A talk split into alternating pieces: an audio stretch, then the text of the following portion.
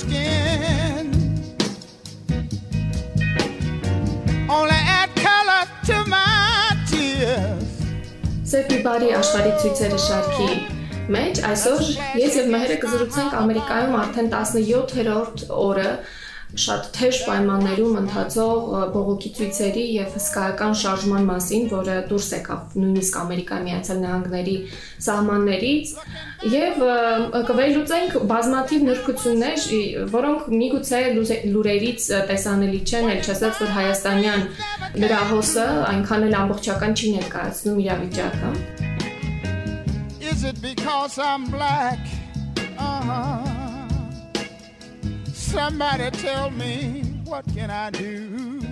Մերը 40 տարի ապրել է Ամերիկա Միացյալ Նահանգներում, նաև մասնակցել է այնտեղ բազմաթիվ շարժումների, Occupy շարժման ակտիվ մասնակիցներից է եղել եւ վերջերս մի 4-5 տարի առաջ շատ ակտիվ փուլ մտած նավթամուղի, հա, Standing Rock Standing Rock նավթամուղի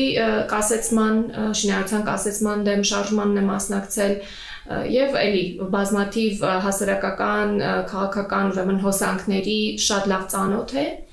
Եվ ինչպես նաև ես նույնպես սուշի ուշով հետևում եմ այս մեծ դիմադրական շարժմանը, որը հիմա ընթանում է Ամերիկայի Միացյալ Նահանգներում, եւ թեման շատ կարեւոր է եւ գլոբալ է նաև Ես ուզում եմ միգուցե ավելի լայն հայացքից սկսենք։ 17-րդ օրն է ցույցերը բառից բուն իմաստով թնդացնում են ամբողջ երկիրը խոշորագույն քաղաքներում 40-ից ավել քաղաքներում 100-ի մոտ արդեն 100-ին մոտ բազմահազարանոց ցույցեր են այսինքն սա իսկապես աննախադեպ է եւ անընդհատ շարունակական առավոտից իրիկու գիշերներն էլ եւ էլի մի իրավիճակում երբ բոլորովին անսպասելի է այսինքն համաճարակային իրավիճակ է մարդիկ հոգնած են մարդիկ ահավոր սթրեսի մեջ են ստեղծված աղքատ ուրեմն վիճակից եւ այլն եւ այլն եւ այս թեժ թնդուն մի ուրեմն 17-րդ շարունակական օրն է Քո կարծիքով սա ինչ պայքար է ի վերջո լայն իմաստով սա ռասիզմի դեմ պայքար է թե դասակարգային պայքար է? Նախ եւ առաջ ասեմ որ էսի վերջին 50 տարվա մեջ ամենամեծ շարժումն է եղել եւ որ ասել էի համաճարակի հարցը հենց համաճարակը պատճառներից մեկն է որ էսենց եղավ Այսինքն Սա ռասիզմը միշտ էլ կար ու անընդհատ ամեն տարի մի 1000 հոգի սպանվում էր ոստիկանության տարբեր բաժիններից, բայց ինչի հիմա էսենց շարժումը դեժացավ։ Համաճարակը ավելի վատ է աստել փոքրամասնությունների վրա, մանավանդ սև համայնքի վրա, որտեղ իրանք համայնքները ավելի իրանց բյուջեն ավելի շատ ցածր է եւ իրանց առողջության պայմանները շատ ավելի վատ են։ Իրանք ավելի անհամեմատ կորուստ են տվել այս համաճարակին, օրինակ 70%-ը բոլոր զոհերի 24000-ը սև են, իսկ բնակչության 13%-ը մոտավոր սև է։ Այսինքն, եթե նայենք 100.000-ից 25.000-ը 25% կորուստ են տվել, բայց իրանք միայն 13%-ն են։ Ամբողջ Ամերիկայի Ամերիկայի, հա։ Հիմա ների առողջապահությունը կապված է գործի հետ Հիմա եթե ունես աշխատանք, դու ունես առողջության ապահովագրություն։ Այո։ Այդ պատճառով հիմա որ 40 միլիոն աշխատող գործազրկվել են համաճարակի պատճառով, տնտեսություն դժել է, վրանել էս համաճարակը, որ շատ ավելի զոհավերցրել սևերից եւ ավելի ոչ միայն սևեր փոքրամասնությունները վրանել էս ռասիզմը հետո էլ էս Թրամփի նեոֆաշիստ բաները հա այդ բոլորը միասին մի տեղ են հասրել բնակչության որ արդեն պայթյուն է տեղ ունեցել, այսինքն էլ բաժակին վերջին կաթիլն է։ Ստացվում է, ես նաև էլի կարդացել եմ, որ համաճարակի ազդեցությունը սևերի բնակչության, սևամաշ բնակչության վրա, բացի տնտեսական պատճառներից, մասնավորապես առողջապահության ապահովագրություն ունենալու խնդիրը, նաև պայմանավորված է իրենց իրենց առողջության ընդհանուր դրության հետ իրենք այն բնակչությունն են, որը ամենաշատ աշխատող վատթար պայմաններում, հա, վատ աշխատանքային պայմաններում շատ երկար ժամանակ աշխատ աշխատաժամանակ աշխատող եւ էկոլոգիապես դեգրադացված վայրերում աշխատող բնակչությունն է եւ անընդհատ նշվում էր որ ուրեմն կորոնավիրուսից հիվանդանոցում հոսպիտալացված շատ մարդիկ այդ հենց սևամաշկ բնակչությունը բարձր մակարդակի ասթմայով հիվանդացություն ունի այսինքն սրանք այն մարդիկն են ովքեր անընդհատ աշխատել են արտադրական ծխերի էկոլոգիական այո քիմիական ինչ որ արտադրությունների եւ մեքենաշինական եւ այլն այսինքն բոլոր այդ արտադրություններում որպես հիմնական աշխատուր եւ մենք գիտենք որ աշխատանքային իրավիճակը իսկապես հիմնականում այնպես է որ մարդկանց դիտում են որպես մեկ անգամյա օգտագործման այդ շարժման ժամանակ էլ հաճախ ասում են dispensable workforce այսինքն կհիվանդանաս, կգնաս քո տեղը փոխանցողը կլինի, հիմնականում սա այդ գունամաշկ է, people of color մարդիկն են, որոնք հոսքը միևնույնն է միգրանտների կա, բնակչության բազմացումը կա եւ այդ մեկ անգամյա օգտագործման արտահայտությունը որքան էլ ուղակի խոցող ու ցավալի է, բայց դա է իրականության իրականությունը, երբ մենք խոսում ենք Ամերիկայի հիմնական աշխատուժի մասին, միևնույն ժամանակ մշտական խտրական այդ վերաբերմունքի պատճառով ընդհանուր առողջական վիճակի անկումն է, որը նպաստում է իրենց ավելի խոցելի լինելուն հիվանդությունների նկատմամբ եւ կոնկրետ կորոնավիրուսի նկատմամբ։ Այս հարցը, որ քննարկում ենք, հա, տարբեր հանգամանքներ եւ հենց ինքը համաճարակը եւ մարդկանց տնտեսական զրկանքը, որ որին ենթարկվեցին, նաև դասակարգային էլեմենտ ունի Այսինքն սա պարզապես ռասիզմի տաժ չի։ Սա տարիների ընթացքում կուտակված այդ մեկանգամյա օգտագործման աշխատուժ լինելու դեմ նաև զայրույթ է, չես կարծում։ Հա, կապիտալիզմի դեմ, կարամ ասեմ կապիտալիզմի դեմ, որովհետև կապիտալիզմն է, որ այս դասակարգները բաժանում է, այսինքն հիմա հարուստները ավելի հարստանում են, իսկ աղքատները ոնց որ կամած-կամած անտուն են դառնում ու հետո միջին դասակարգը կարամ ասեմ ել չկա Միացյալ Նահանգներում էլ չկա միջին դասակարգ։ Կարանք ասենք, որ միջին դասակարգ, այդ այսինքն ոնց որ կար առաջ, հիմա չկա։ Առաջը երբ էր։ Առաջը, որ այդ ժամանակ որ արմիությունները ուժ ունեին, հիմա վերջին սկսած երկրորդ պատերազմի ավարտից հետո մինչև հիմա արմիությունները կամած-կամած իրանց ուժը կորցնում են։ Այսինքն վերջին 70 տարվա ընթացքում։ Հա, հիմա արմիությունները ոնց որ այդքան էլ ուժ չունեն։ Օրինակ, եթե արմիությունները ուժ ունենային, այդ կարող է ու տարբեր մի ուրիշ տարբերակ լներ բողոքների համար կարային օրինակ general strike անեին հայրենը չգիտեմ համընդհանուր գործատու գործատու անեին բայց հիմա արմիությունները այդ ուժը չունեն չեն կարա այդ այնց մի բան կազմակերպեն ուրեմն որ ասում են պետքա խաղաղ ձևով ցույցեր անեն, բոլոր խաղաղ տարբերակները փորձվել են ու ոչ մի արդյունք չեն ստացել։ Հիմա հասել ենք այդ տեղը, որ պետքա փողոց իջնեն եւ մնան փողոցներում։ Ուրիշ ձև չկա։ Փողոց իջնել եւ մնալ փողոցում ինքնին նաեւ խաղաղ ցույցի ձև է, այսինքն չի հակասում, բայց Ներկայիս շարժումը սկսվեց Ջորջ Ֆլոյդի սպանությունից ոստիկանության աշխատողի կողմից համարվում է հենց դա որպես կայծ, որը բռնկում տվեց եւ այսպես բռնկվեց հրդեհի նման։ Բայց ընդհանրապես սևերի կյանքը արժեք ունի շարժումը, ավելի վաղ որ սկսվել էր Ferguson-ի պատմությունը միգուցե դու հիմա ակնարկով ասես, ելի համանման իրավիճակ էր։ 10 13 թվին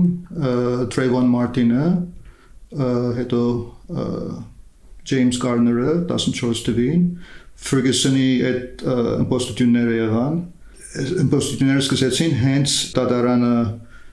գործը կարճելուց հետո բայց 91 թվին էլ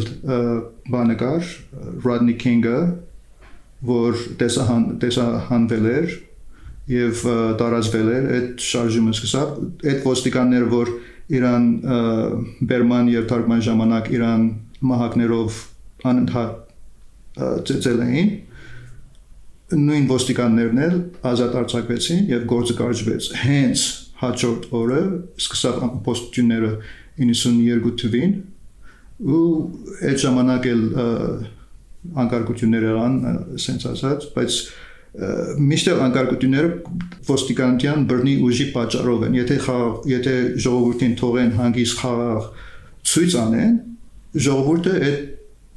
միջոցներ չի օգտագործի։ Ալի անկարգությունների հետ կապված առանձին խոսենք, որովհետև հատկապես հայաստանյան սփյուռքի շրջանակներում սա շահարկված է եւ իսկապես շահարկված է դրա համար արժի մանր ու նրբություններով վերլուծել անկարգությունների թեման, բայց վերադառնալով շարժումին, հա։ Այո, վերադառնալով շարժմանը խոսքումդ նշեցիր, որ միջին հաշվով տարեկան Ամերիկայի ոստիկանությունը մոտ 1000 մարդու սպանում է իր ծառայությունը կատարելու ժամանակ, դա կլինի բերման ենթարկելիս, թե այլ հանգամանքներում, թե մինչև բերման ենթարկելը մարդկանց, բայց վերջերս էլի նորից էլի ակտիվացան ուրեմն խոսակցությունները, որ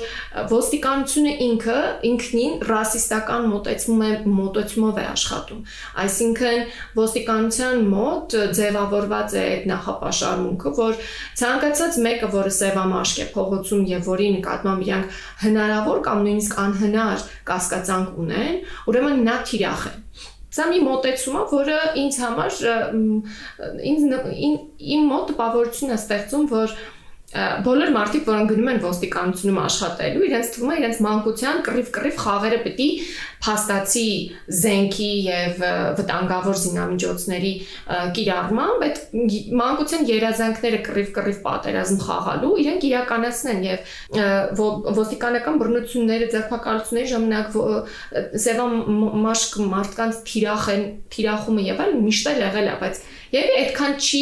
փաստագրվել, որքան հիմա։ Եվ այդքան շատ տարածում չի գտել նախկինում, որքան վերջին տարիներին, երբ մարդիկ իրենց հերախոսներով կարող են նույնիսկ տեսագրել։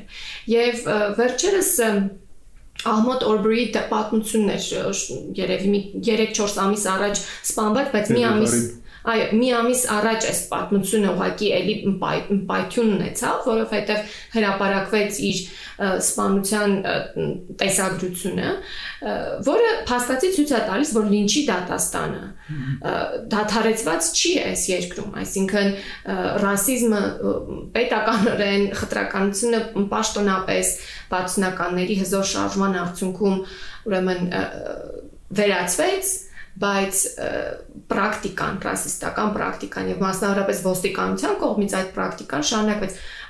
Օրբրի պատմությունը կարող ես ասել, թե ես ասեմ։ Ոնց որ ինքը մարզանք էր անում, վազում էր թաղամասում, իր թաղամասներ, երկու սպիտակ տղամարդիկ էին, հայր եւ իրավորտին, հայրը ոնց որ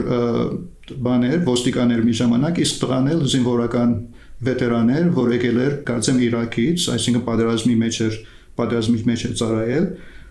մեքենայով իր հետևից գնացել էին, հետո ոնց որ հետապնդում է, այսինքն վիդեոյի կադրերում երևում է, որ իրենք մեքենայով իրեն հետապնդում են եւ ինքը այն պահից, երբ որ զգում է, որ իրեն հետապնդում են, սկսում է փախչել իրանցից եւ հայր եւ որդիները եւ իրենց ընկերը, որ առանձին մեքենայով նկարահանում է այս ամեն ինչը, կարծես հրճվանք ստանալով, նկարահանում են նաեւ այդ բա, որ հետապնդման արդյունքում կարողանում են ուրեմն կրակել եւ բազմաթիվ կրակոցներով ուղակի սպանում են եւ նաեւ հրապարակվեց ձայնային տեսագրության ձայնային տարբերակը, որտեղ անմիջականորեն ռասիստական արտահայտություն է անում հայրը ամենամեծ զայրույթ առաջացնող հանգամանքներն էր, որ փետրվարին տեղի ունեցած այս հանցանքը որևէ սանկցիայի չի ենթարկվում, այսինքն իրենց նկատմամբ կալանք չի կիրառվում, իրենց նկատմամբ գործը նույնիսկ ինչ որ կիսակարճվելու վրա էր լինում, ինչև հրապարակվում է այդ վիդեոն եւ իրանք այդ հանցագործներն են հրապարակում այդ վիդեոն, որը առաջացնում է մեծ հանրային զայրույթ եւ միայն մեծ բաներից այդ աղմուկից եւ պահանջներից հետո նոր մեղադրանք առաջադրվում հորը եւ որդուն եւ նաեւ այս երրորդ անձին, որը հանցակից երևի պիտի հա, ճանաչվի, նոր միայն դրանց հետո է սա տեղի ունենում։ Այսինքն եթե այս տեսանյութը չլիներ, մենք էլի չէինք իմանա նման դեպքերի մասին, բայց ինչու էին հետապնդում սա։ Չէ՞ որ լինչի դատաստան էր։ Որովհետև սևամորթա ու վազում է։ Ուրեմն մի սխալ բան արելա, գողություն արելա կամ մի բան արելա, ժամար վազում է, փախնում է։ Այդ ենթադրությունը միշտ էլ կա։ Ոստիկանը որ տեսնում է օրինակ սևին, ասենք երկու ժամը երկուսին առավոտյան, ուրեմն ինչի է դուրս ժամը երկուսին մի գողություն արել կամ գողություն բիրանի, որտեղ սևամորտա միանգամից համարում են, որ գողը կամ մի սխալ բան արել, հանցագործություն արել։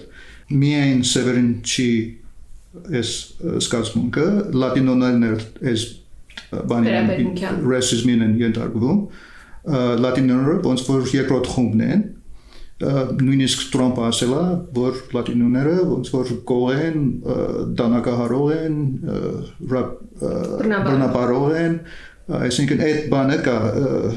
bias prejudice այսինքն այդ կանխակալ վերաբերում հա այսինքն որ տեսնում ես մեկը սև է ու վազում է ուրեմն գողություն արել կամ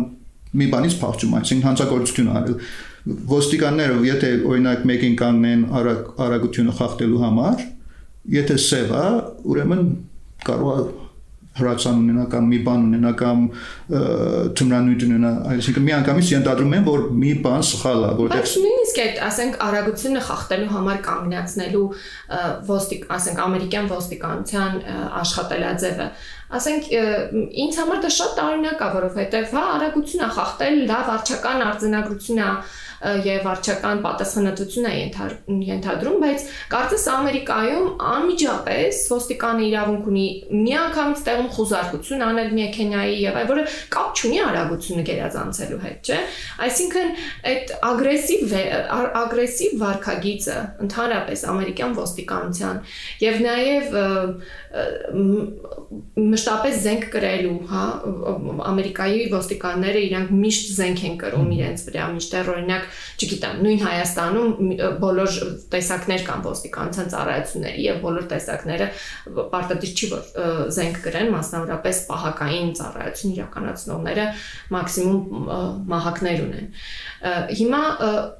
Ինչ որ դինամիկա փոփոխությունների դու զգացել ես կամ հետևել ես պատմական իմաստով ոստիկանության, Ամերիկայի ոստիկանության, ուրեմն ել ավելի բռնի, ել ավելի ռազմականացված, ել ավելի ագրեսիվ լինելու իմաստով։ Հա, ուրեմն 2001 թվից հետո այդ ահաբեկչությունը, որ եղավ Նյու Յորքում, դրանից հետո մի հատ նոր օրենք են բանարել Patriot Act-ը, ոստիկանության շատ ավելի իրավունքներ տալիս ու կարան խոզարկություններ անեն առանց պատճառի այդ մեկ բան։ Patriot Act-ը հայերեն երևի հայրենասիրության մասին օրենք։ Հա։ Թե հայրենիքի մասին։ Հայրենիքի մասին, որ որը համանության շատ իրավունքները ժողովրդի շրջանցում շրջանցում է։ Օրինակ հիմա մենք ունենք մեր առաջին, ամեն մեր ասում եմ, ես երկհարկացի եմ, բայց այսինքն մեր ասում եմ Ամերիկայի բանից, perspective-ից, առաջին amendment-ը համանadrության խոսքի ազատությունն է, հավաքների ազատությունն է, մեդիայի ազատությունն է, այդ երեք ազատությունները ոնց որ հիմա կարան շրջանցեն։ Կան շրջաններ, որ չես կարող բողոկանես, որ ֆիզիկական տարածքներ տարածքներ են, օրինակ պետական շենքերի շուրջը, չես կարող ցույցեր անես, բողոքներ անես, այդ բոլորը ոնց որ խախտում են ժողովրդի համանadrական իրավունքները։ Սա Բուշի ժամանակ ընդունված ուրեմն օրենք էր, Բուշն էլ պատերազմի ռազմատենչ է, պատերազմի մոլի սիրահար, այդ օրենքը ժամանակավոր էր, թե անժամկետ ժամանակավոր էր 10 կարծեմ 13 թիվն էր, որ ժամանակը վերջացավ, այսինքն 10 տարվա էր օրենքը, Օբաման, որ ինքը համանadrական օրենքների դասախոս էր համասարանում։ Ինքը միշտ դեմ էր այդ Patriot Act-ին, բայց որ իր նախագահության ժամանակ այս ժամկետը վերջացավ օրենքի, ինքը երկարաց երկարացկեց։ Ուրեմն հիմա մինչև 23 թիվն ակարծեմ այդ օրենքը ԱՄՆ-ում մենք հիմա բան բոլոր հերախոսը հոսա կապերը, բոլոր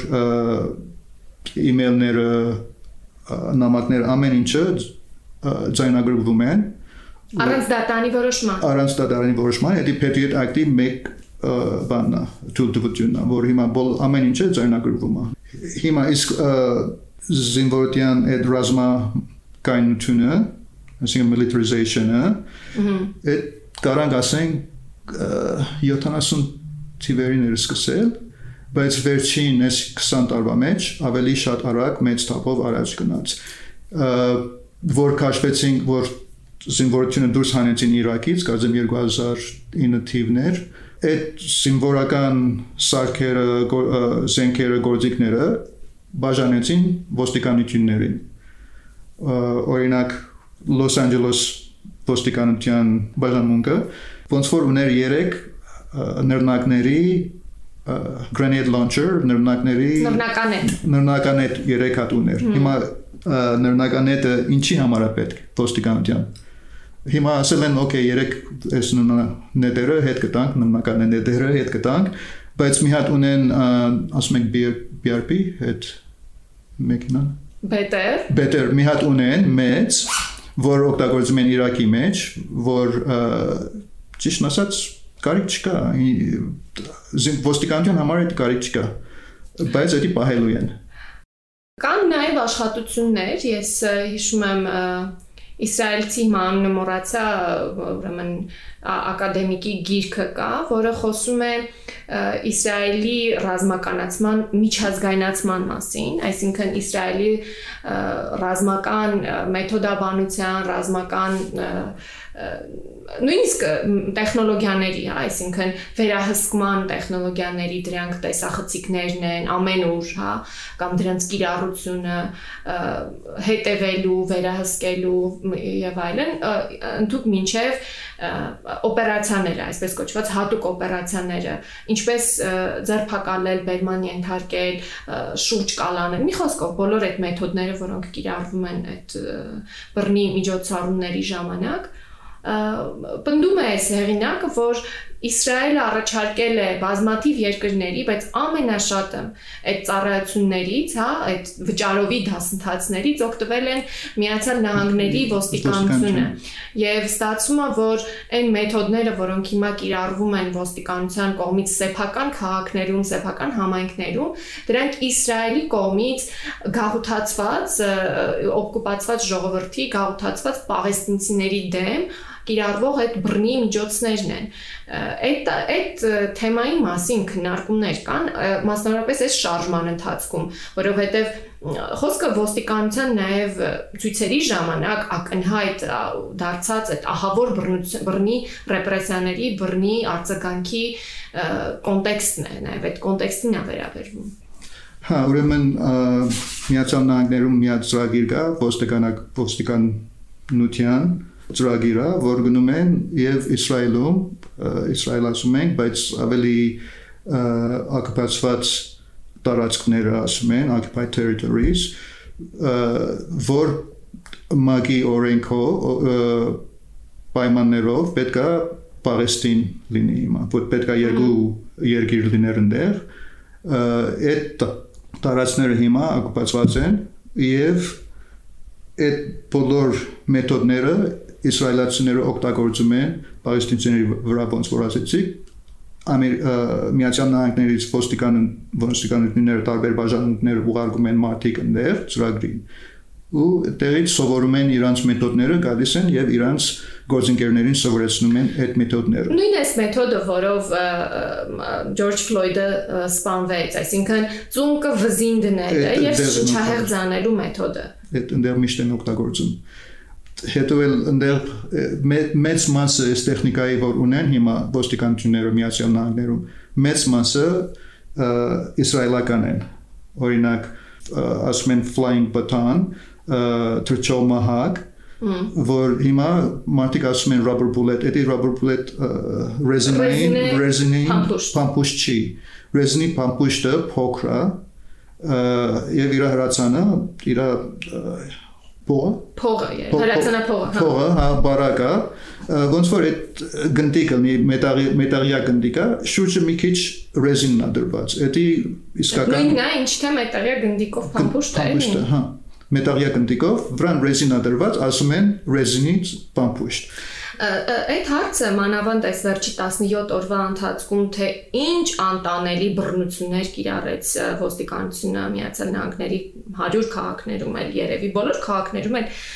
արձագանքը եղել է բռնի, այսինքն անմիջապես արցունքաբեր գազ եւ այդ հատուկ միջոցներ, քիմիական այլ նյութեր որոնց մասին մարդիկ ասում են նույնիսկ պատերազմական զենք իբրև ածունքաբեր գազը արկելված է, հա, չի օգտագործվում համաշխարհային իմաստով, այլ տեսակի զենքեր իհարկե օգտագործում են, բայց ուրեմն համաճարակի պայմաններում այդ ամբողջ օրը տևող ածունքաբեր գազ, մասնավորապես բղբեղի գազը։ Այո, բղբեղից այդ հրացան, այսինքն ատրճանակով բղբեղի այդ փչիկները, որոնք ուղակի մարդկանց աչքերի վրա են արել, ոչ թե հերվից նույնիսկ։ Այսինքն նույնիսկ այդ միջոցների կիրառման կանոնները, ինչքան էլ որ դրանք ֆաշիստական են, ինչքան էլ որ հիմա շարժումները պահանջում են, որ ընդհանրապես վերանա ոստիկանությունը, բայց նույնիսկ այդ կանոնները չեն պահպանել եւ առնվազն 2-3 օր առաջվա մի հոդվածի մեջ նշված տվյալը այն էր, որ այս ցույցերի ընթացքում ոստիկանությունը սպանել է 12 մարդու ցուցարարների եւ նաեւ ոչ ցուցարարների բազմաթիվ կադրեր կադրեր ենք տեսնում, երբ մարդիկ ովքեր ուղակի փողոցում են գտնվում անտուն մարդիկ, անպաշտպան մարդիկ, որոնք ընդհանրապես ցույցին չեն էլ մասնակցել, իրենց մտքով չի անցել ոստիկանության հարցակումը հենց իրենց ֆիզիկապես կողավտանք պատճառի չասես լրագրողներին, լրատվամիջոցների անձնակազմին, որոնք անընդհատ են հարցակման ենթարկվել եւ ուղիղ լրագրողների մարմնին, դեմքին, աչքերին կրակել են այդ փամփուշտներով, մարդիկ աչքեր են կորցրել,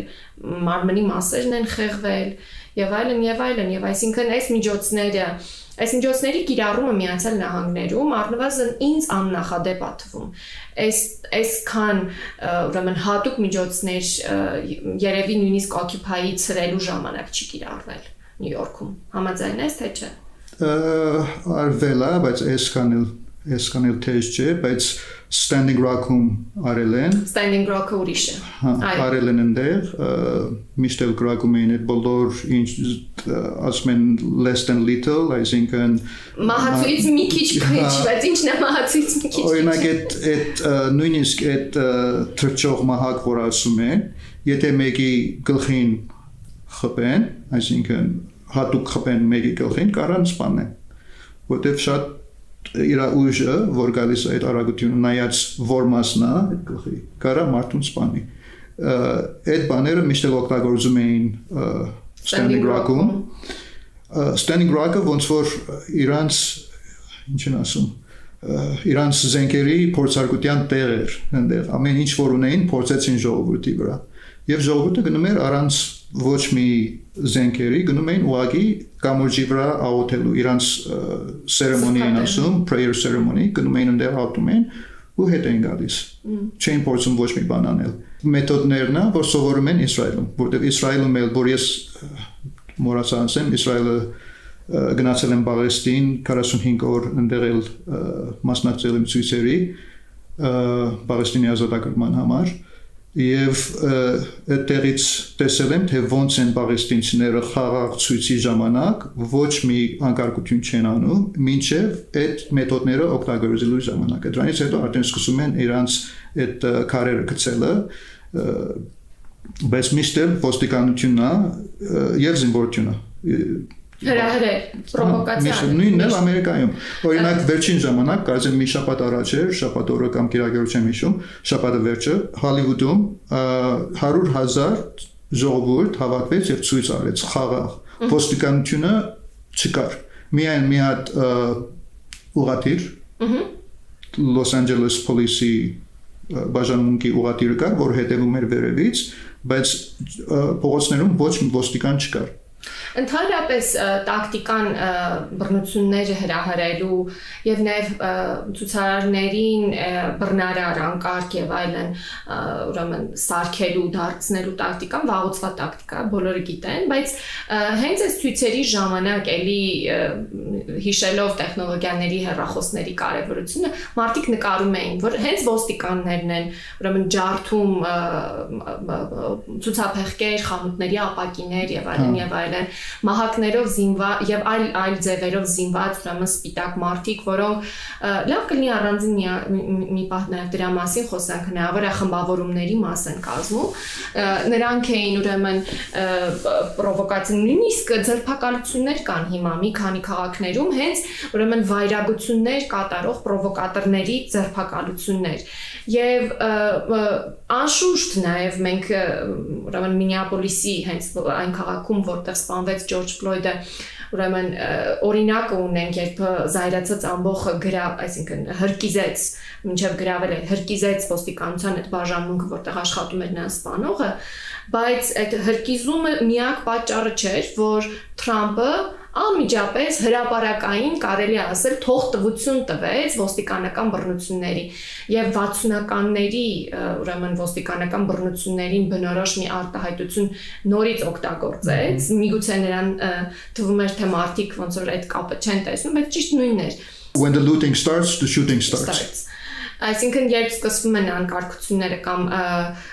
ուրեմն կողոպուտը, թալանը, կրակոցներն են սկսվում։ Եվ Ուրեմն սա ուղակի արդարացում էր բռնությունների ոստիկանության, բայց նա ավելի ուղիղ շատ ավելի բաներ է ասել եւ արել, այսինքն ուղարկել է ֆեդերալ մակարդակի ոստիկանական ուժեր եւ զորքեր եւ ազգային գվարդիան, որը արդեն կարելի ասել ոստիկանական զորքերին հավասարազոր մի բան է ոչ բանակա, ոչ ոստիկանություն։ Ինքը նահանգային բանակա։ National Guard-ը նահանգային բանակ, այսինքն ենթարկվում է նահանգի կառավարողին, բայց ոչ ֆեդերալ։ Ֆեդերալ չի։ Բայց ինքը այդ օրեն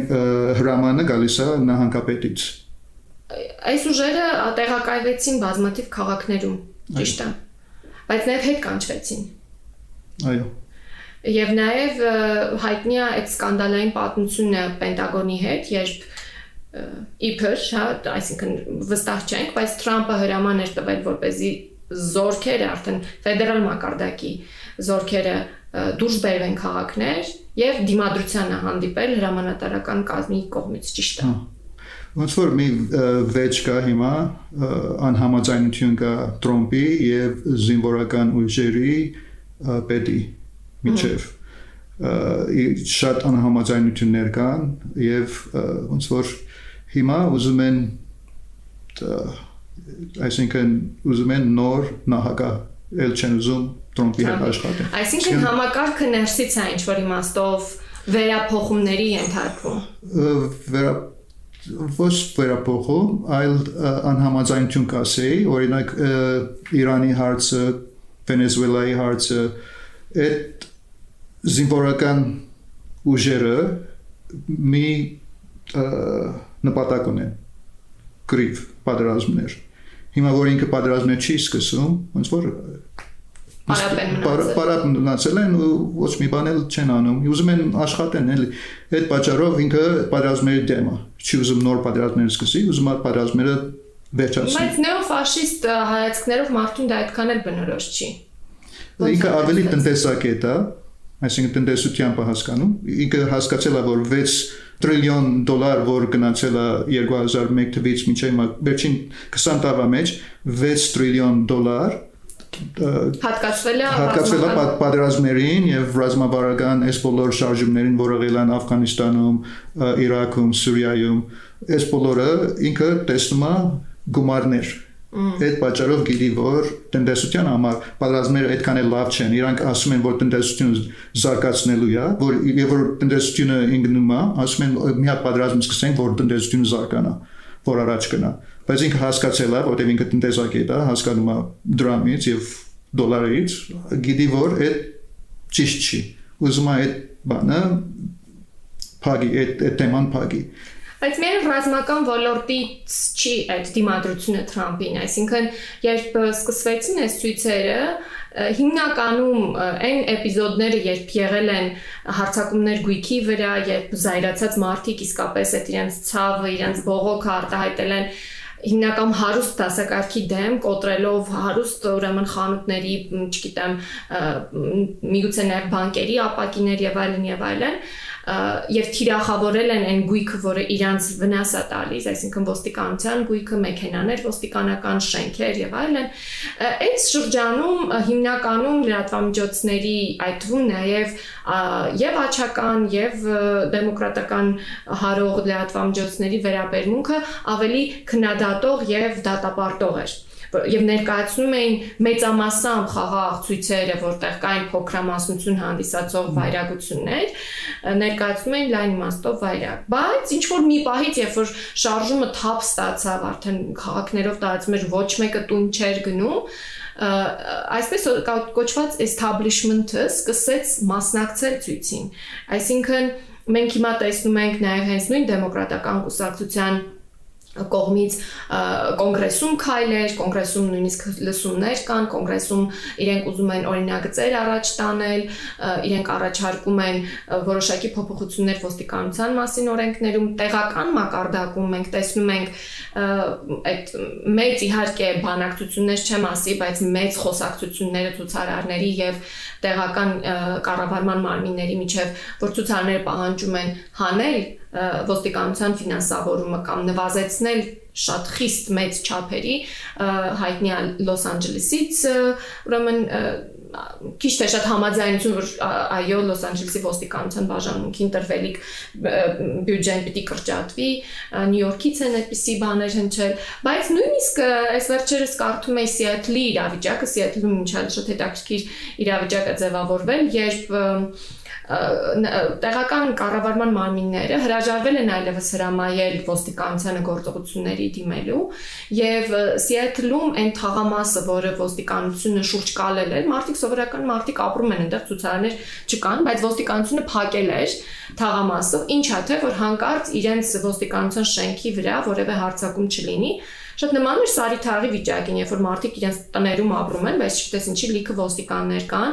ճանապարհները փակած են, արգելափակոցներն եւ այլն։ Եվ դա բնակիչների զայրույթ առաջացնելու պատճառով նոր ալիք ցույցերի առաջացրեց այդ թաղամասում եւ Մի խոսքով ալիքը մեծացավ եւ այդ մարդիկ գրավեցին, հրաժարվեցին ոստիկանները պաշտպանել իրենց շենքը։ Վերջ, մարդիկ գրավեցին շենքը եւ իրենք հայտարարեցին սա ավտոնոմ տարած, այո, autonomous zone եւ հայտարարեցին, որ իրենք օգտագործել են ոստիկանության շենքը որպես համայնքային կենտրոն, համայնքային ծառայություններ մատուցելու եւ այլ նպատակներով, բայց ինչն էր այստեղ հատկանշական, որ Թրամփը այս իրավիճակին արձագանքելով շատ ծաղրական, հեգնական արտահայտություններ էր արել Սիեթլի քաղաքապետի նկատմամբ Եվ ասել էր, եթե դուք ձեր ձեռքը չվերցնեք իրավիճակը, ես եմ ձեր ձեր քաղաքի իրավիճակը իմ ձեռքը վերցնելու։ Նա էլ Թրամփին պատասխանել էր, այդպես Twitter-ով, նո կարծես ինձ բանը, ճակատամարտա, հա, ասել էր դու գնա քո բունկերը։ Այսինքն սա իհարկե հղում է Վաշինգտոնում ցույցերի ժամանակ շատ մեծ ցույցեր Վաշինգտոնում էլ եղան նրա, որ Թրամփը իսկապես երկար ժամանակ ժամեր անց էր կացրել պաշտոնական այդ բունկերում։ Այո Եվ բայց իսկապես աննախադեպ այն իմաստով, որ մեզ համար հատկապես փոքր երկիր լինելով մենք շատ ավելի միատար ենք մենք օրինակ այդպիսի մեծ բռնություններ եւ այլն հիշում ենք առնվազն 2008 թվականից հա երբ ճնշվեցին մարդիկ սպանվեցին եւ այլն բայց մեզ համար համակարգը ավելի մոնոլիտ տպավորություն է ստեղծում մինչդեռ միացյալ նահանգներում համակարգը այդքան էլ մոնոլիտ չի եթե նայում ենք զուտ ուղղահայացի տեսանկյունով։ Միգուցե մոնոլիտա դասակարգային իմաստով, այսինքն establishment-ը, որը եւ դեմոկրատական եւ հանրապետական կուսակցությունների մարտիկն են, այսինքն падգամավորներ, պաշտոնյաներ, միգուցե նրանք այդ 1%-ին սпасարկողներն են, բայց տեղական մակարդակներում, նահանգային, քաղաքային եւ այլն շատ տարաձայնություններ կան եւ շատ տարբեր վերաբերմունքներ եւ նենց չի որ ինչ Թրամփը ասի ամենտեղ կան են։ Չէ, նայեք, հիմա Միացյալ Նահանգներ ասում են, բայց ինքը կարակ ասեն Միացյալ Հանրապետություններ, որտեվ ամեն մեկ նահանգ իր օրենքներ ունի, կարող է կան ֆեդերալ օրենքներ, որ պետք է բոլոր նահանգները ունենան, բայց տարբեր նահանգներ կարան ունենան տարբեր օրենքներ, որ միայն այդ նահանգներին ենթարկում։ Ենթարկում։ Նահանգապետը ոնց որ կարա նախագահ լինի ստեղի նման չի մարզեր չեն իրանք ավելի the Republican օրինակ California Republic, Texas Republic is օրենքները ֆեդերալ օրենքով Թրամփը չի կարանի ինչ որ ասում է։ Ահա այդ չի կարանի։ Այսինքն ավելի ինքնավարություն ունեն նահանգները, այդ թվում նույնիսկ համայնքները, առանձին համայնքներն էլ էլի ինքնավարություն։ Համայնքներն էլ ունեն, օրինակ county-ներ կան, որ ամեն մեկը տարբեր համայնք օրենքներ ունեն, բայց շատ մոտ են։ Նահանգում օրենքները մոտ են։ Կարող է օրինակ մի նահանգում հիմա կարծեմ բոլոր 21 տարեկան մի ժամանակ կային նահանգներ, որ խմելու ալկոհոլային խմիչքների տարիքը 18 էր մի քանի նահանգներում, ուրիշ նահանգներում 21 էր։ Այդտենց տարբերություններ կան նահանգների միջև։ Կալիֆոռնիայում օրինակ զենք գրելը արգելված է։ Ուրիշ նահանգներում կարաս զենք գրես։ Կարաս ունենաս զենք տանը, բայց գրելը հանրային տարածքներում արգելված է։ Խոսենք զենք գրելուց, որովհետև այս ցույցերի կոնտեքստում խոսվում է շատ անկարգությունների մասին, որ ցուցարարները անկարգություններ են արել, կոտրել են ինչ-որ գույք, չգիտեմ, ինչ-որ բիզնեսների վնաս են հասցրել, բայց բռնությունը որպես այդպեսին ինչա մասնավորապես սևամաշկ եւ միգրանտ համարվող բնակչության համար բռնությունը ո՞րն է իրանց կյանքում իրանք սապ բռնության մեջ են ապրում գործում աշխատանքում ակտիվիստներից մեկը ասում է դուք սա մեր կյանքը ամեն օր թալանում եք հիմա այսինքն մեզի ուզում ես թալանի մասին խոսած ես խանութների թալանի մասին խոսած բա մեր կյանքը որ թալանել եք այս կան տարի Այսինքն սա միայն ստրկատիրության բնորոշ երևույթ չի, այսինքն եթե ստրուկի մասին էին խոսում այն ժամանակ, ավելի պատկերավոր էր մարդը ծնվել է, բայց ինքը չունի իր կյանքը եւ իր կյանքը թալանված է, բայց մեր 21-րդ դարում մարդիկ, որոնք ապրում են Միացյալ Նահանգներում, համակարգային բռնության մեջ են ապրում եւ այդ համակարգային բռնության ըմբռնումն է որ նախ չի չի տարածվում չի լուսաբանվում այսինքն աղքատությունը որպես համակարգային բռնության կարևոր էլեմենտ կարևոր համակարգ առողջապահական վիճակը, այսինքն այն անհամամասնությունը նույն ֆինանսավորման, որ մի կողմից գրեթե 5 անգամ ավելի շատ ֆինանսավորում ցանկացած համայնքում ստանում է ոստիկանությունը եւ 5 անգամ պակաս ֆինանսավորվում են հիվանդանոցները այսինքն հրաժարվելը նաև համ, համընդհանուր առողջապահական համակարգից, որ մարդկանց հարկերը կօգտագործվեն իրենց բուժվելու համար։ Հրաժարվելը, ուրեմն դպրոցն երկար եւ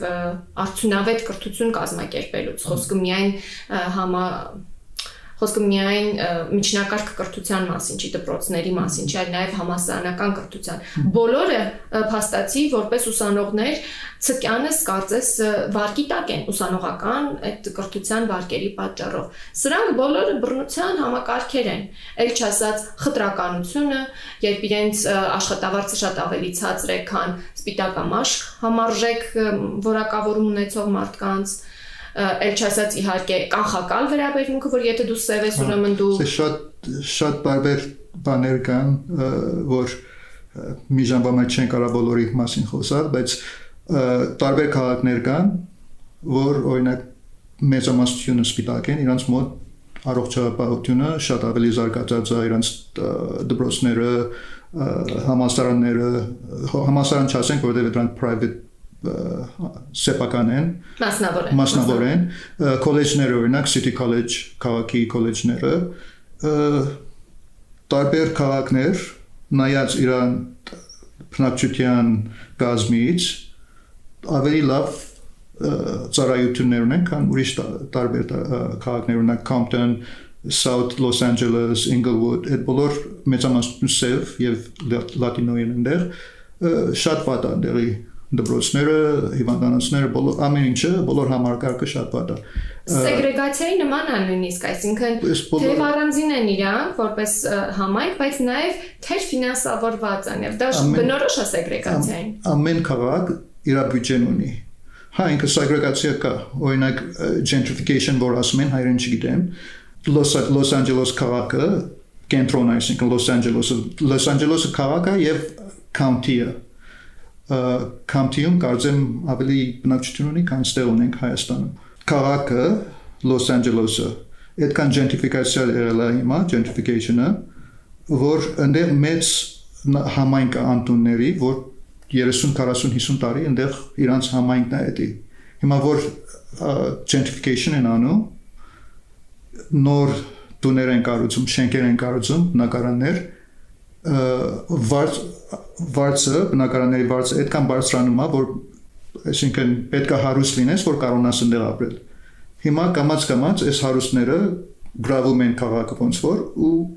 այդքան էլ հարուստ չասենք աղքատ, որ ավելի քիչ աշխատավարձ ունի, կամած կամած մղում են թաղամասերը։ Մեզ համար Հայաստանում դա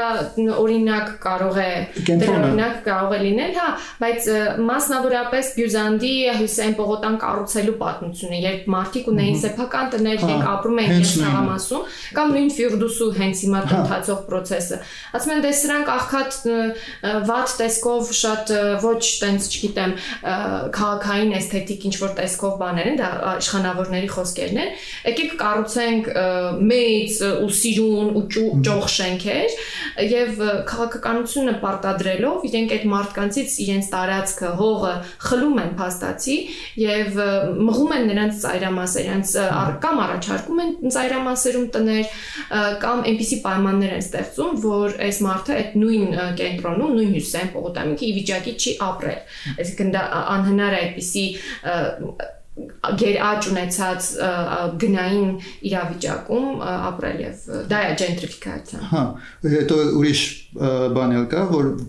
գործերը մեծամասնություն աշխատա աշխատատեղերը մնում են քաղաքում։ Այսինքն հիմա այդ որ ավելի քիչ աշխատավարձ ունեն, մղում են դուրս, բայց պետք է հետ կան քաղաք աշխատելու։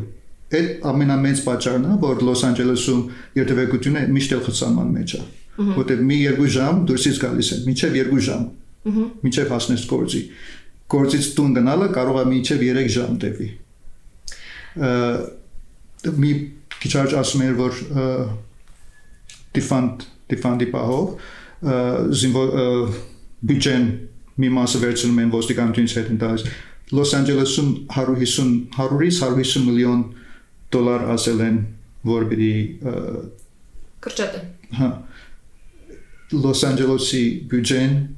ոստիկանության 2 միլիոն է։ Դա չնչին բան է։ 7%-ից 10%-ը։ Նյու Յորքում որ ասում են 1 բիլիոն դոլար պիտի տան ուրիշ այդ սոցիալական համակարգին իրանց բյուջեն ոստիկանության 7 բիլիոն է, այսինքն 15%-ը։ Այսինքն նույնիսկ այդ դիֆանդ անելով մեծ գումար են ստանում, ինչի համար։ Բայց բացի նրանից, որ դեռ ցույցերը շարունակվում են եւ այս պահանջները շարունակվելու են, վստահ եմ այդ հարցը ինչի համար եք էլի պահում այդքան փող, հիմա ցուցարները շարունակվում են Անձամբ ինձ համար շատ զարմանալի, բայց նաև շատ ուրախալի էր, որ շարժումը իսկապես շատ լայնացավ եւ շարժման պահանջները եւ լայնացան, բայց եւ կոնկրետացան, որովհետեւ սկզբում սա զայրույթի պորտկում էր։ Զայրույթի պորտկում էր ընդդեմ էլի հերթական սև սևամաշկ մարդու սպանության եւ կարելի է ենթադրել, որ եթե Դերեկ Շովինի եւ մյուս ոստիկանների մեղադրանքի մեղադրանք իրենց տալու ստանալու արդյունքում մարդիկ պիտի հանգստանան, բայց մարդիկ այլևս ներ եւ անznավորված խնդիր չեն դրել։ Խնդիրը անձ, անձ, անձը չէր ոստիկանի։ Խնդիրը ոստիկանությունը որպես համակարգն է։ Խնդիրը ոստիկանության միջոցով աղքատ, զրկանքների մեջ ապրող, ցածրից միջին դասակարգ համարվող մարդկանց վերահսկելու ոստիկանության կողմից անընդհատ այդ վերահսկողությունը պահելու քաղաքականությունն է, որը համակարգային երևույթ է եւ պահանջները դարձան էլի համակարգային եւ սա է ողքեվորիչ որ որպես հաջողված արդեն հաղթանակի էլեմենտ կարելի արձանագրել պահանջեցին ապա ֆինանսավորում ոստիկանության եւ շարունակում են պահանջել։ Նույն Մինեապոլիսում, որտեղ սպանվեց Ջորջ Ֆլոյդը, շատ խիստ են վերաբերվում իրենց պահանջին եւ իրենք նույնիսկ քաղաքային ավականու որոշում կա, որ պիտի վերացվի այժմյան գոյություն ունեցող ոստիկանությունը ամբողջ ոստիկանության համակարգը Մինեապոլիսի պիտի վերացվի եւ ես այստեղ հիշում եմ ասենք մի 50 տարի առաջ Angela Davis-ի սկսած այդ աննախադեպ ուրեմն քաղաքական միտքը, քաղաքական այդ ոնց ասեմ, մարտահրավերը մտածելու, որ կարելի է վերացնել ոստիկանությունը եւ կարելի է վերացնել բանտերը։ Եվ ստացվում է, որ տարիների ու տասնամյակների խորքից իրականություն են դառնում այն ժամանակ ուղղակի երազանք համարվող ան երևակայելի բաներ քննարկվում է որպես պահանջ ապա ռազմականացումը այսինքն բազմաթիվ տեղեր արդեն նույնիսկ որոշումներ կան ընդունված որ ծնկի միջոցով պարանոցը հերձելու այտենց խեղտելու որպես մեթոդ այլևս չեն օգտագործի ոստիկանները ոչ միայն ծնկի նույնիսկ կա որ թեվով են անում այո հերձելու որ մեթոդը ընդհանրապես կհանվի շատ քննարկումներ կան այն մասին թե այդ հատուկ միջոցների հետ կապված ինչ կլինի նույնիսկ միացյալ թակավորությունում, հա, Լոնդոնում տեղի Բրիստոլում եւ Լոնդոնում տեղի ունեցած ցույցերի ժամանակ այդ պահանջը տարավ տարան Անգլիայի պարլամենտ եւ ասացին, որ այլևս պիտի թույլ չտանք արդյունքաբեր գազ բառնակող քիմիական նյութերի արտահանումը Միացյալ Նահանգներ, որովհետեւ դա օգտագործվում է ժողովրդի դեմ ապա ռազմականացման թեմաներ որպես պահանջ էլի շատ ուժեղ ցուցարարներ առաջ են տանում եւ ի վերջո առաջ են տանում ալտերնատիվները եւ իրենք հստակ ասում են մեր համայնքներին որ เป զի չլինի աղքատություն, որ เป զի որևէ մեկը կողոպուտի մեջ չապրի եւ իրենք բնորոշում են իրենց կյանքը որպես ծնված օրվանից կողոպուտ երբ իրենք զրկված են ծառայություններից, բարեկեցության պայմաններից, երբ իրենք ստիպված են աշխատել շատ երկար ժամեր, երբ իրենք շատ վատ պայմաններում են աշխատում, երբ իրենք ստիպված են ժամերով կյանք անցկացնել ավտո ճանապարհների վրա, ուղակի, ինչպես դու ասացիր, 2-ից 3 ժամ գործի հասնելու համար ել չասած մնացած բոլոր հանգամանքները, էկոլոգիան եւ այլը, որը իրանց կյանքի որակը գցում է եւ մարդիկ պահանջում են համայնքային ծառայություններ եւ սա էլի մեծ հաղթանակի նման մի բան է հա օրինակ ոստիկանությունը հիմա իր նպատակ իր արակելությունը միայն ոստիկանություն չի իրանք ամեն ինչը միայն ուժով են պատասխանում այսինքն իրան սովորել են թե ամեն ինչը ուժով են կառավարում այսինքն մենք եւ իրանք ոնց որ գնում են պատրաստմի զոն տեսնում են մեկը որ սևա այսինքն թշնամի է տեսնում են մեկը լատինոյա թշնամի է այսինքն չեն տեսնում ոչրագործ չեն տեսնում հանցագործ տեսնում են թշնամի եւ թիրախ որին կարելի է ուղակի թրակել այսինքն կամ իմ կյանքն է կամ իր կյանքն է բայց ոստիկանները չեն մեռնում հանց այսպես կոչված հանցագործների կամ մարդկանց հետ այդ բախումների արդյունքում ոստիկանների մահը հիմնականում ինքնասպանությունների պատճառով է կամ ինքնասպանություն կամ էլ վտարների այտենց բաների է այսինքն շատ շատ քիչ է որ մեկը կրակում է ոստիկանին ամենը չեն լինում այդպես հա չկա ոնց որ բայց հիմա իրանց արակելությունը որ կա միայն այս բաները չի օրինակ եթե մեկը հոգեկան խնդիր ունի, ոստիկանին կանչում են, ինքը տեսնում է, որ մեկը հանցագործ է, այսինքն միանգամից գալիս է կարաբայելու, չի գալիս իրան հանգստացնելու, որ հոգեկան խնդիր ունի։ Միայն մի բան գիտեն ոստիկանները կառավարել։ Մի հատ օրենք կա, կարող եմ մի քիչ հետո խոսանք սրա մասին, qualified immunity մասնագիտական անձեռնմխելիություն։ Անձեռնմխելիություն։ Հիմա իրանք եթե օրենքները եթե գնում ես եւ մեկը հանցագործություն արել, իրան ձերբակալում ես, բերման ես դարգում, ձերբակալում ես ու տանում ես բաժին։ Հիմա եթե մարդը դիմադրի, եթե մարդը դիմադրի, կարաս մահացու ուժ օգտագործես deadly force։ Եթե քո կյանքին վտանգ կա, կարաս deadly force մահացու ուժ օգտագործես։ Այսինքն միշտ որ հասնում են, ոստիկաններ որ հասնում են, պատրաստ են կրակելու։ Եվ այս անձեռնխելիության օրենքի ամենակարևոր կետը այն է, որ ոստիկանները դատարանի արժեվ կարող են չկանգնել իրենց ծառայության ընթացքում իրենց գործած հանցանքների համար։ Բանը իրենց պաստապանը ոնց որ իրենց արմիությունը պաստապանա ուղարկում ու իրանք ոնց որ կարան շարունակեն իրենց գործը եւ արմիությունների դերն էլ է բարձրաձայնվել այս ցույցերի ժամանակ ոստիկանությունների արմիությունները դրանք կլանային կարծես ինձ մեծ մեծ ուժ ունեցող խմբեր են որոնք մշտապես պաշտպանել են տարբեր տեսակի բռնություններ, վայրագություններ, հանցանքներ գործած ոստիկաններին եւ նաեւ իհարկե օգտվել են այս համապատասխան օրենքից անձեռնխելիության եւ նաեւ հիմա էլի այդ անձեռնխելիության օրենքը չեղարկելու վերացնելու քննարկումներ են այո պետիցիանը սկսել էր, պետ ուրիշ մի քանի տարի առաջ սկսել էր, հիմա ավելի թափ առնում, որովհետև սահմանադրական իրավունքները ժողովրդի ոտնահարվում են այս անձեռնմխելիության օրենքով։ Հիմա եթե մեկը, եթե ոստիկանը մեկին գրակի, հաստատ այդ մարդու իրավունքները խախտվել է։ Բայց ինքը կարա ասի, որ վտանգ կար իմ կյանքից,